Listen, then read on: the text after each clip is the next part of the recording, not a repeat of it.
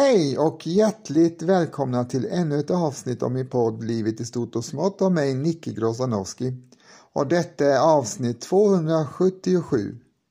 Som ni har märkt så är det glest numera med de nya släppta avsnitten och det beror ju på som, som jag berättat tidigare att min livssituation har förändrats och att jag har en begränsad möjlighet och tid att spela in nya avsnitt. Men jag har inga planer på att lägga ner min podd utan jag kommer att släppa nya avsnitt så mycket jag kan och så ofta jag kan i fortsättningen. Så jag hoppas att ni har förståelse för det. Och eh, jag tycker detta är så fantastiskt kul så jag har inga planer på att lägga ner min podd utan kommer att köra så länge jag orkar, kan och vill. I detta avsnitt så ska vi börja 55 till 50 miljoner år sedan då små rävstora varelser sprang omkring och betade löv från träden. Och dessa rävstora varelser skulle till slut bli de hästar vi känner till idag. Vi ska nämligen berätta om hästens evolution. Och det är en spännande historia. Så innan jag ber er spänna fast säkerhetsbältena så ska jag också berätta att även i detta avsnitt så har jag min kompis Lukas, hunden, på besök. Så hör ni något gnyende eller något prasslande med förhoppningsvis inget skällande i bakgrunden så är det bara Lukas och ingen utitshäst. Så, spänn fast er säkerhetsbältena för nu kör vi!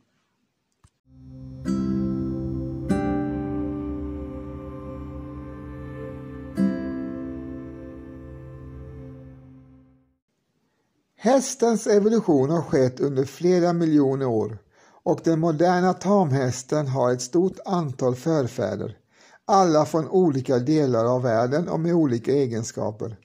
Hästens anfader var ett fyrtåigt däggdjur, inte större än en räv. Genom evolution kom hästen att bli entåig och tack vare evolutionen på olika platser och i olika miljöer plus avel av den moderna tamhästen finns det idag ett stort antal hästraser och typer. Utifrån fossil har man kunnat spåra hästen så långt tillbaka i tiden som till Eocen för 60 miljoner år sedan och den första kända förfadern till hästen Eohippus. Den härstammade i sin tur från så kallade kondulater som hade fem tår på varje fot med starka hornartade naglar. De här arterna utvecklades för cirka 15 miljoner år tidigare än Eohippus och är förfader till alla världens moderna hovdjur. Under den här tiden fanns landbryggor mellan Amerika och Europa och Asien och även mellan Europa och Afrika, vilket gjorde att Eohippus med sitt ursprung i Nordamerika kunde vandra över till andra kontinenter och därför spridas över hela världen. Merparten av alla hästdjur, Equiade, är utdöda och idag finns det 6 till 8 arter. På 1870-talet undersöktes denna evolution av forskaren Ottinel Marsh som studerade fossil som hittats 1867 i USA. Med hjälp av andra liknande fynd från andra delar av världen kunde han konstatera att hästarna hade utvecklats långsamt från små till stora djur samt att benen blivit längre och tänderna starkare. Tack vare beräkningar om hur klimatet och miljön borde ha varit där de olika fossilerna av hästdjuren återfunnits kunde han även dra slutsatsen att hästarna utvecklats i takt med miljöns förändringar. När de tropiska skogarna försvann och blev till stäpper blev hästen större och fick starkare tänder för att kunna tillgodogöra sig den föda som fanns tillgänglig.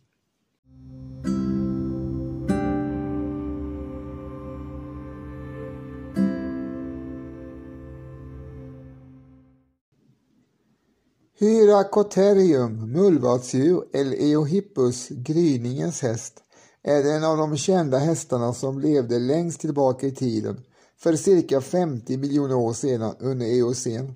Den var ungefär så stor som en normalstor hund med en mankhöjd på cirka 36 cm och en vikt på ungefär 5,5 kg. Hyrasoterium hade fyra fingrar vid framfoten och tre tår vid bakfoten. Den levde på norra halvklotet. Flest fynd efter Eohippus har hittats i New Mexico och Wyoming i USA.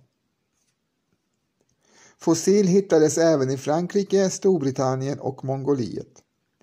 Taxonomiska undersökningar visade att inte alla arter som ursprungligen listades i släktet är direkta förfäder till dagens hästar. Till exempel tillhör typarten Hyrasoterium leporinium familjen Paleolithiae som är en systergrupp till hästarna. Arter som är föregångare till hästarna som Hyrasoterium vulpesias flyttades därför till släktet Pliolopus. Eohippus hade en trampdyna bakom tårna, liknande hundens trampdynor, och huvudet var rådjurslikt. Släktets medlemmar avbildas i konstnärliga tolkningar, ofta som djur med strimmor eller med prickar som är ordnade i rader, enligt en teori av den engelska tidskriftsutgivaren och lexiografen Charles Knight. Även flera av de nulevande hovdjuren som äter blad och knoppar har liknande teckningar på bålen, vad som fungerar som kamouflage. Ryggen var krökt som på en hare. Ögonen satt på sidorna av huvudet, vilket gav ett stort synfält som var viktigt för att kunna fly från fiender.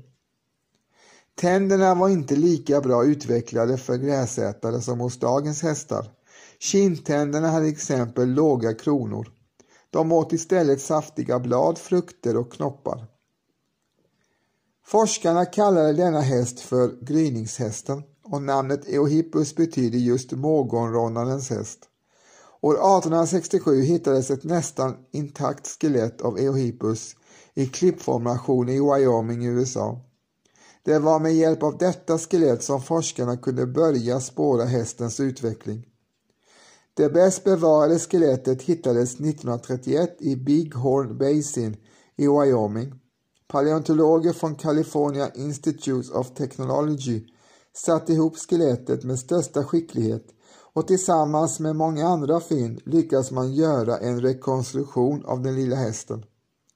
En Eohippus vid namn El Diablo medverkar i filmen The Valley of Gwangi från 1969 där den uppträder som en cirkushäst.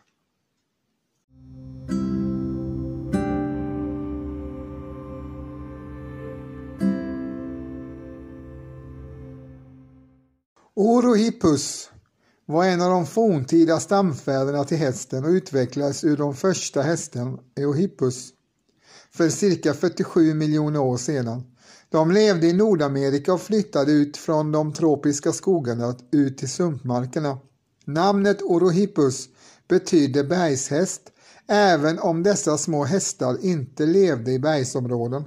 Orohippus var något större än föregångarna Eohippus med cirka 35-40 cm mankhöjd och huvudet blev mer hästlikt men påminner mycket om ett rådjurs.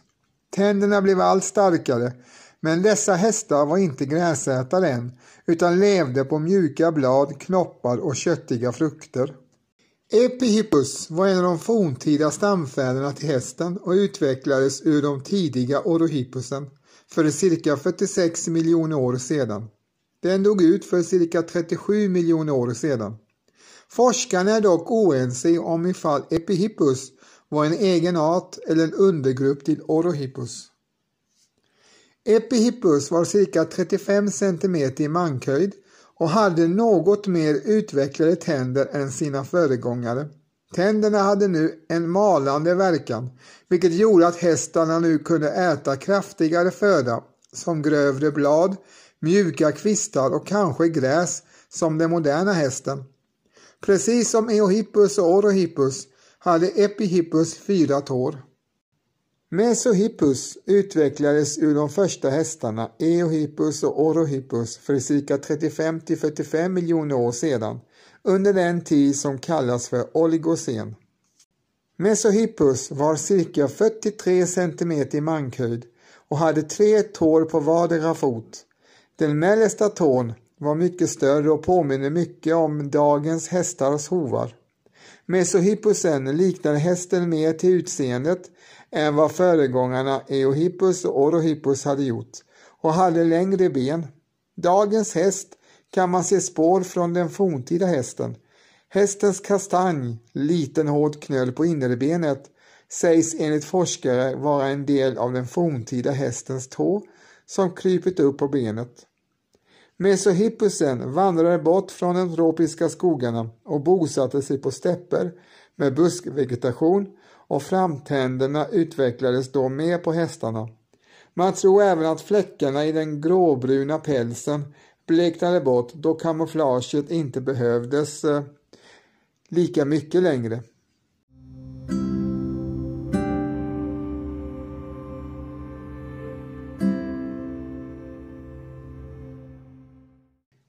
Miohippus var en av de forntida stamfäderna till den moderna hästen. Den utvecklades för cirka 35 miljoner år sedan ur föregångarna Orohippus och Epihippus. De var mycket större och hade mer utvecklade tänder än tidigare och var nu gräsätare. Som dagens hästar. Fötterna utvecklades till ännu mer och den mellersta tån blev större och mer markant. Huvudet liknade hästens och den krökta ryggen hos föregångarna var nu i stort sett borta. Parahippus utvecklades som en undergrupp till Miohippus för cirka 30 miljoner år sedan. Parahippusen levde precis som Miohippus på grästäpper. Tänderna var nu så utvecklade att de kunde tillgodogöra sig näringen i gräset och hästarna blev allt större och hade mer motståndskraft. Mercys hippus var en av de forntida stamfäderna till den moderna hästen. Mercy hippus utvecklades för cirka 25 miljoner år sedan ur föregångarna till Miohippus och Parahippus. Den var stor som en kalv på cirka 90 cm i mankhöjd och var nu mycket lik den moderna hästen. Hästen hade fortfarande tre tår, men den mellersta tån var nu så pass utvecklad och stor att de två andra tårna sällan var till någon större nytta. Mercyhippus tänder var nu helt utvecklade och hästarna var enbart gräsätare. Ögonen satt nu som på dagens häst vilket gav en syn som var väl anpassad till hästens flyktinstinkter. En gren av Mercyhippusen, kallad Megahippus, var något större. Mercyhippusen fanns i vad som idag är Nordamerika och Centralamerika. Megahippus utvecklades som en undergrupp till Mercyhippus för cirka 13,6 miljoner år sedan. Megahippus var cirka en meter i mankhöjd och levde på grästäpperna i Nordamerika. Fossil har hittats eh, i USA i delstaterna Kalifornien, Colorado, Florida, Montana, Nebraska, Nevada och New Mexico. Släktet dog ut för cirka 10 miljoner år sedan. På grund av den smala nosen antas att arterna var beroende av buskar och träd som fanns kvar i regionen. De åt antagligen unga blad och frukter istället för gräs. Även framtänderna som bildade tydligt U och kindtänder med låga kronor indikerar blad som huvudföda. Arterna uppnådde en uppskattningsvis en vikt på cirka 265 kilo. Pliohippus var den sista i raden av förfäder och utvecklades för cirka 6 miljoner år sedan ur föregångaren Mercyhippus. Den var nu cirka 120 cm i mankhöjd och väldigt lik dagens häst. De extra tårna som funnits hos de andra hästarna hade nu försvunnit helt och Pliohippus hade enbart en hov. Även tänderna var nu helt utvecklade och anpassade för gräsätarna. Pliohippusen var den sista grenen innan den moderna hästen som utvecklades för cirka 5 miljoner år senare, det vill säga för cirka 1 miljon år sedan.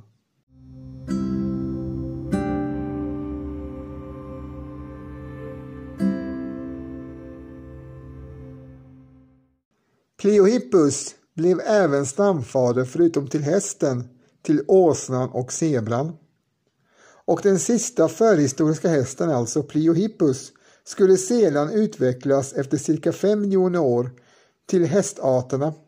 Beroende på vart den spreds under sin utveckling så påverkades utseendet olika och de två arterna Equus och Asinus blev de två dominerande grenarna. Under namnet Asinus ingår bland annat åsnan, både vildåsnan, Equus Hemoinius och tamåsnan Equus asinus och zebran Equus zebra.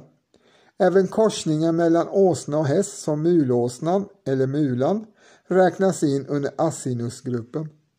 Equusgruppen skulle utvecklas i de första leden i den moderna hästens evolution. Skogshästen Equus caballus silvaticus och Equus caballus germanicus var en häst på cirka 155 cm i mankhöjd som levde i skogarna i norra Europa innan istiden. Den hade tjocka ben, grov och sträv päls och var ganska massiv. Den hade även breda fötter som var väl lämpade för sank mark. Skogshästen ligger till grund för många av dagens kallblodshästar och vår moderna motsvarighet sägs vara den franska hästrasen Poltervein. Tarpanen Equus caballus gnelni antonius var den primitiva hästras som överlevde längst bortsett från den mongoliska vildhästen som lever än idag. Tarpanen upptäcktes på 1700-talet i mellersta Europa. Den sista vilda tarpanen dog 1880. Men idag finns en rekonstruerad jord med tarpaner i Polen återavlade på tarpanernas starkaste ättlingar, konik och huckulponierna. Tundrahästen har bevisligen existerat men då inte många av dagens hästraser har någon härstamning från denna typ så har forskarnas intresse varit svalt. Tundrahästens lämningar har hittats i bland annat Sibirien tillsammans med kvarlevor från mammutar. En av de få hästraser från idag som härstammar från tundrahästen tros vara den mindre jakutponnyn. Den mongoliska vildhästen eller den asiatiska eller Prevalskis häst är den enda idag levande primitiva förfadern som officiellt upptäcktes 1879 på stäpperna i Mongoliet där den kallas för Taki. Upptäckaren var den ryske forskaren Nikolaj Michailovich Prevalski och med hjälp av zoologen J.S. Poljakov artbestämde de hästarna 1881. Prevalskys häst återfinns i många av dagens hästraser men influensen syns tydligt på den populära norska fjordhästen. Den tatariska eller ariska ponnyn var troligtvis en version av Przewalskis häst och fördes till Skandinavien och övriga Europa av vandringsfolk från östra Asien. Det var en liten men otroligt stark och uthållig ponny som ligger till grund för många av dagens skandinaviska hästraser, bland annat fjordhästen. Den utvecklades även på många håll till olika skogs-, fjäll eller stäpphästar som inte existerar idag.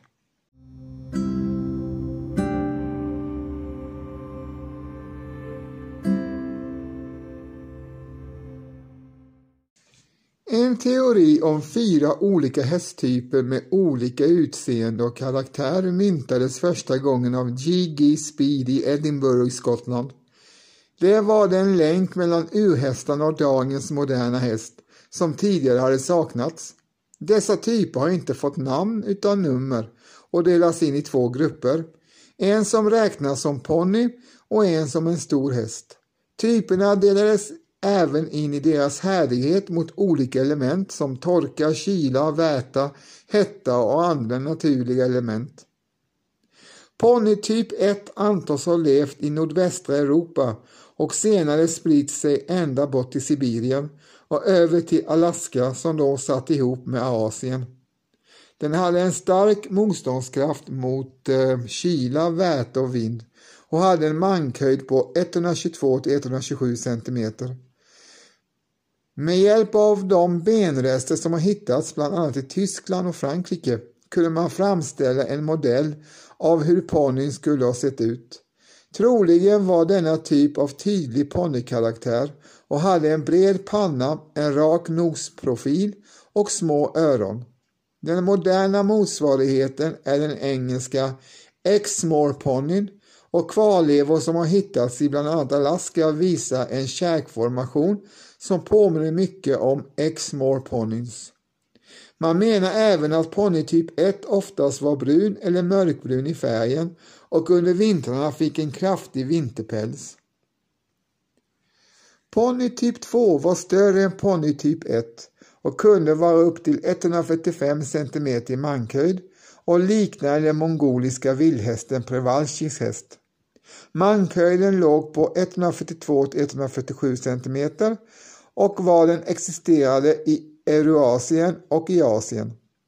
Den var väldigt härlig mot köld och frost men även mot extrem torka. Ponnyn var också kraftigare och större än ponnytyp 1. Ponnytyp 2 var oftast black med en tydlig ål, det vill säga en mycket mörkare rand över ryggraden. Och man säger att den travade bättre än den galopperade. Den moderna motsvarigheten sägs vara den norska fjordhästen och även den skotska highlandsponnyn. Den tredje typen räknas som en stor häst och inte ponny då den var över 148 cm i mankhöjd och oftast runt 150-155 cm. Hästtypen 3 var en ren ökenhäst som var härdig mot torka och hetta.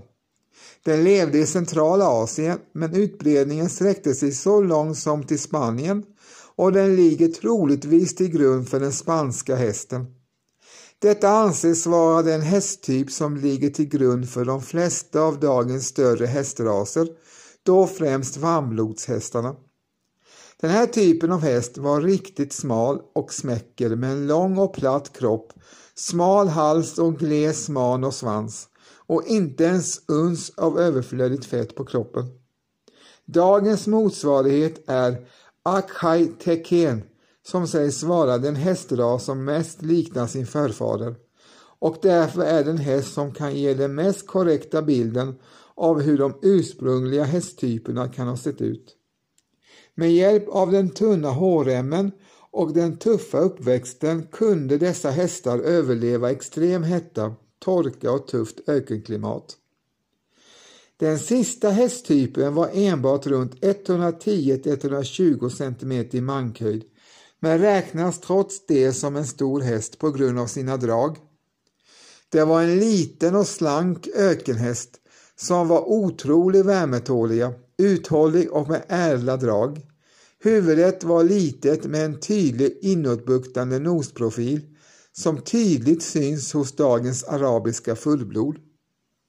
Denna hästtyp anses vara prototypen till det arabiska fullblodet även om denna hästtyp var mycket mindre. Man, svans och hårrem var silkeslena och svansen var högt ansatt. Denna hästtyp var den häst som hade minst primitiva drag. Idag räknas den moderna motsvarigheten vara den gamla hästrasen kaspisk häst och även det arabiska fullblodet.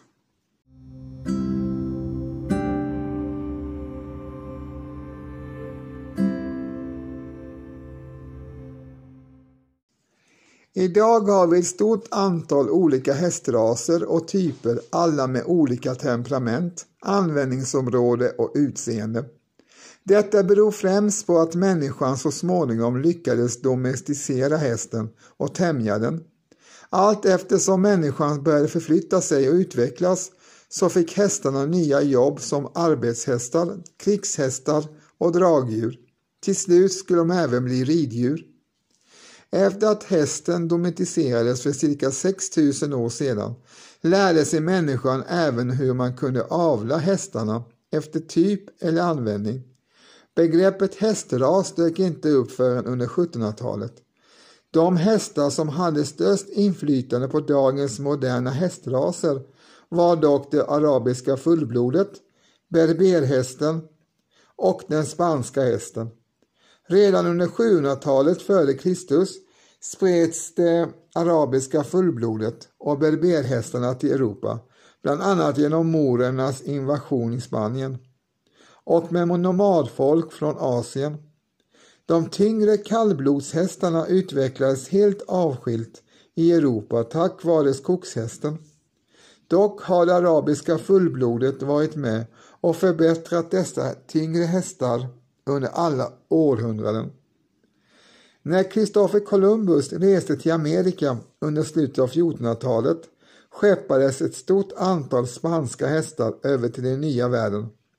Den spanska hästen är den enda stamfadern till de hästraser som utvecklades i Nord och Sydamerika. Genom att en del hästar rymde eller släpptes fria skapades vilda jordar med hästar, bland annat mustangen och även den tigrerade apollosan som tämjdes av indianerna och som nu har blivit en av de mest kända och eftertraktade hästraserna i världen. Under 1600-talet och 1700-talet skulle även det engelska fullblodet utvecklas med hjälp av tre arabiska fullblodshingstar. Det engelska fullblodet blev bland annat världens snabbaste hästras och blev även en av de viktigaste influenserna i hästavel över hela världen. Det har ingått i utvecklingen av nästan alla varmblodshästar på grund av sin snabbhet och sina atletiska förmågor. Idag har vi hundratals olika hästraser som avlas för sina förmågor eller sitt utseende. Hästen har haft en stor betydelse för människans utveckling, såväl den kulturella som den industriella utvecklingen.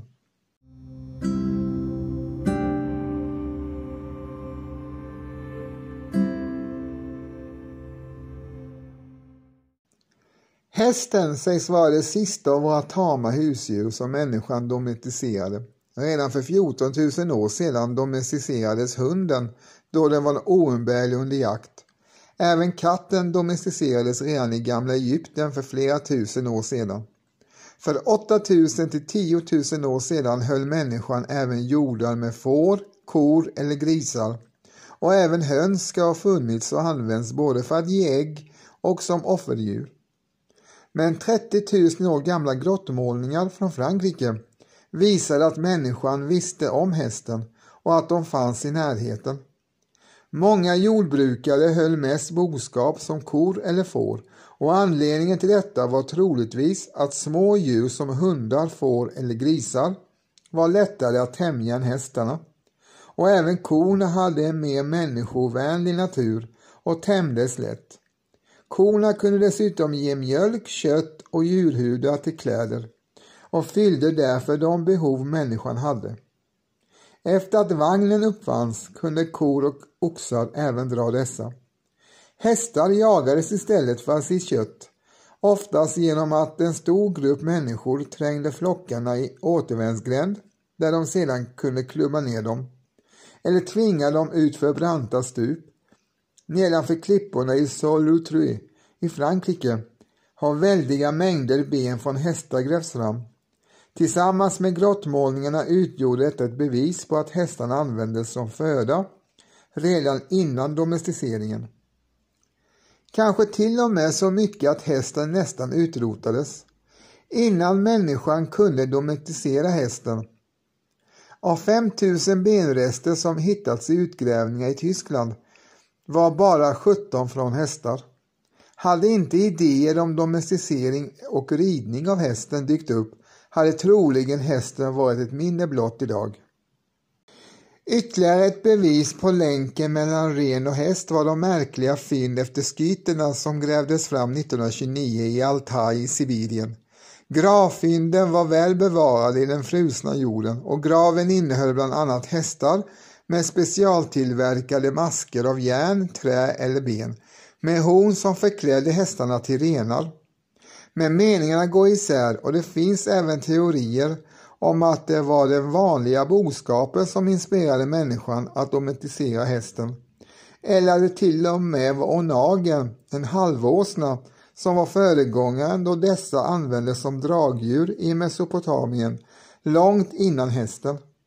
Onagerna var dock både envisa, svårtämda och hotfulla mot människor och människan valde bort onagen sedan försöken att tämja hästarna hade lyckats.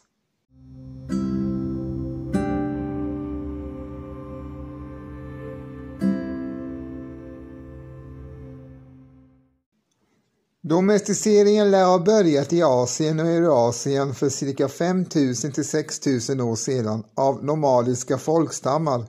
De första hästar som domesticerades var ganska små, med mankhöjd på cirka 130 cm. De nomadiska folkstammarna har använt hästarna som mjölkdjur och transportdjur. Tydliga spår av tamhästar har funnits i Botia-kulturen som dateras till 3500 f.Kr. Dessa hästar var sannolikt väldigt primitiva med tjock och lurvig eller spretig päls för att klara av det kalla klimatet.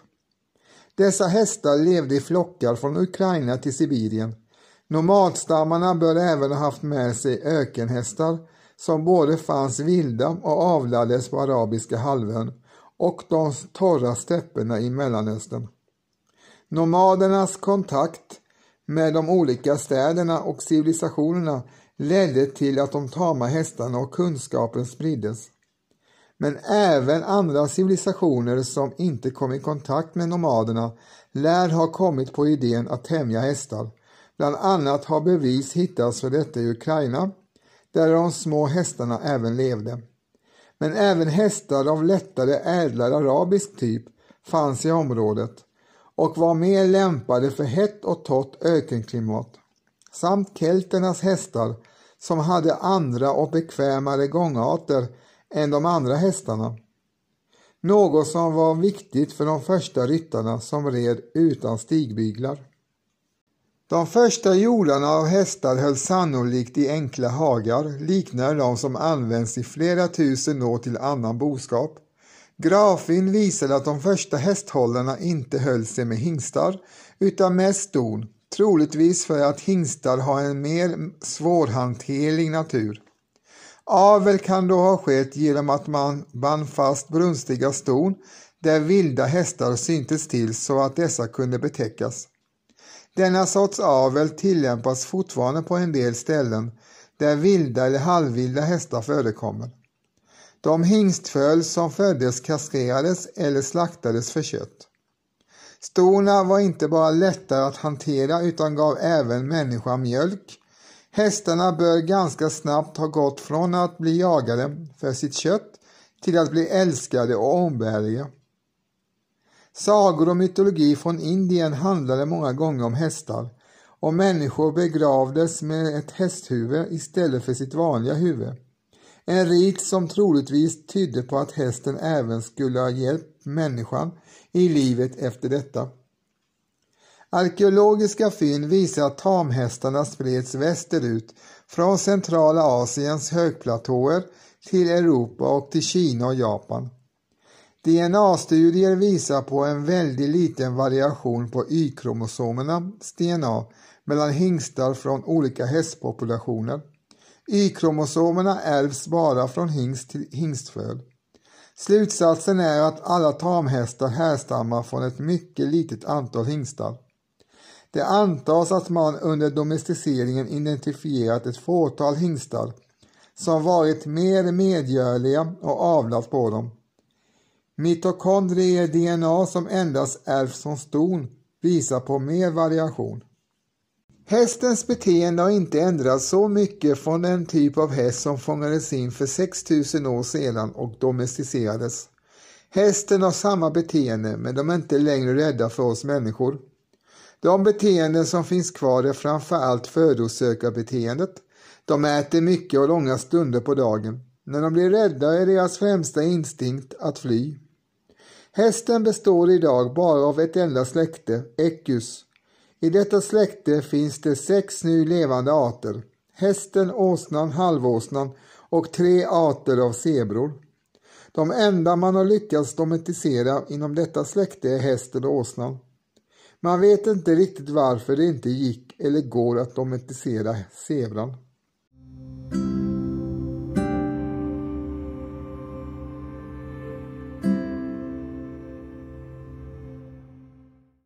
Ja, då har ni alltså fått höra historien om hästens evolution. En historia som alltså spänner över cirka 55 miljoner år tillbaka i tiden fram till dagens smäckra, fantastiska, graciösa djur som eh, finns i alla storlekar och höll på att säga färger också. Det är en fascinerande historia hur denna rävstora varelsen i skogarna i Nordamerika och även i Europa Eh, uppstod i, eh, under Eocen och sen utvecklades till dagens hästar. Och jag hoppas verkligen att ni tyckte att den här historien var bra. Och förutom eh, historien om hästens evolution så har ni också fått höra hur det gick till när hästen domesticerades av människan till slut. Så att en stor dos av hästens historia har ni fått nu och jag hoppas att ni har uppskattat det lika mycket som jag. Min podd utkommer i regel en gång i veckan och då oftast någon gång under helgen. Men det kan även förekomma vid andra tidpunkter under veckan. Det beror på lite grann hur min agenda ser ut för respektive vecka och när jag har möjlighet att spela in nya avsnitt. Och eh, som ni vet så har ju min livssituation förändrats så att eh, vet inte riktigt när jag kan släppa nya avsnitt. Men eh, jag lovar att göra det så fort jag har möjlighet och kan. Så eh, kommer nya avsnitt. Och för att inte du som lyssnar ska missa när jag släpper nya avsnitt så prenumerera gärna på en podd Livet i stort och smått så missar du inte när jag släpper nytt. Och medan du väntar på de nya avsnitten så botanisera gärna i mina tidigare släppta avsnitt. I avsnittets början fick ni höra Carl Michael Bellman och hans fjäril Vingar syns på Haga. Och som avslutning får ni höra Par Deus med gruppen Gotthard. Och båda dessa musikaliska mästerverk finns att lyssna på i sin helhet om ni klickar in er på Spotify. Och slutligen så vill jag tacka dig som har lyssnat på avsnittet. Och eh, vill du stödja podden ekonomiskt så går det bra att swisha ett valfritt bidrag till 073 358 61 43. Men detta är naturligtvis helt frivilligt. Jag uppskattar och är jätteglad bara ni lyssnar på min podd och mina avsnitt och att jag får dela med er av de här fantastiska historierna som jag kan förmedla till er. Det tycker jag är jätte, jättekul. Så än en gång, tack så jättemycket och så vill jag också tacka min kära lilla vovve Lukas som har varit här och lyssnat på det här avsnittet och eh, följt mig vått och tott. Och eh, jag hoppas att eh, han inte har stört i allt för mycket i bakgrunden. Och har han gjort det så beklagar jag och eh, det gör kanske inte så mycket i slutändan. Tack än en gång för att ni lyssnade. Var rädda om er ute så hörs vi snart igen. Ha det gott! Hej då!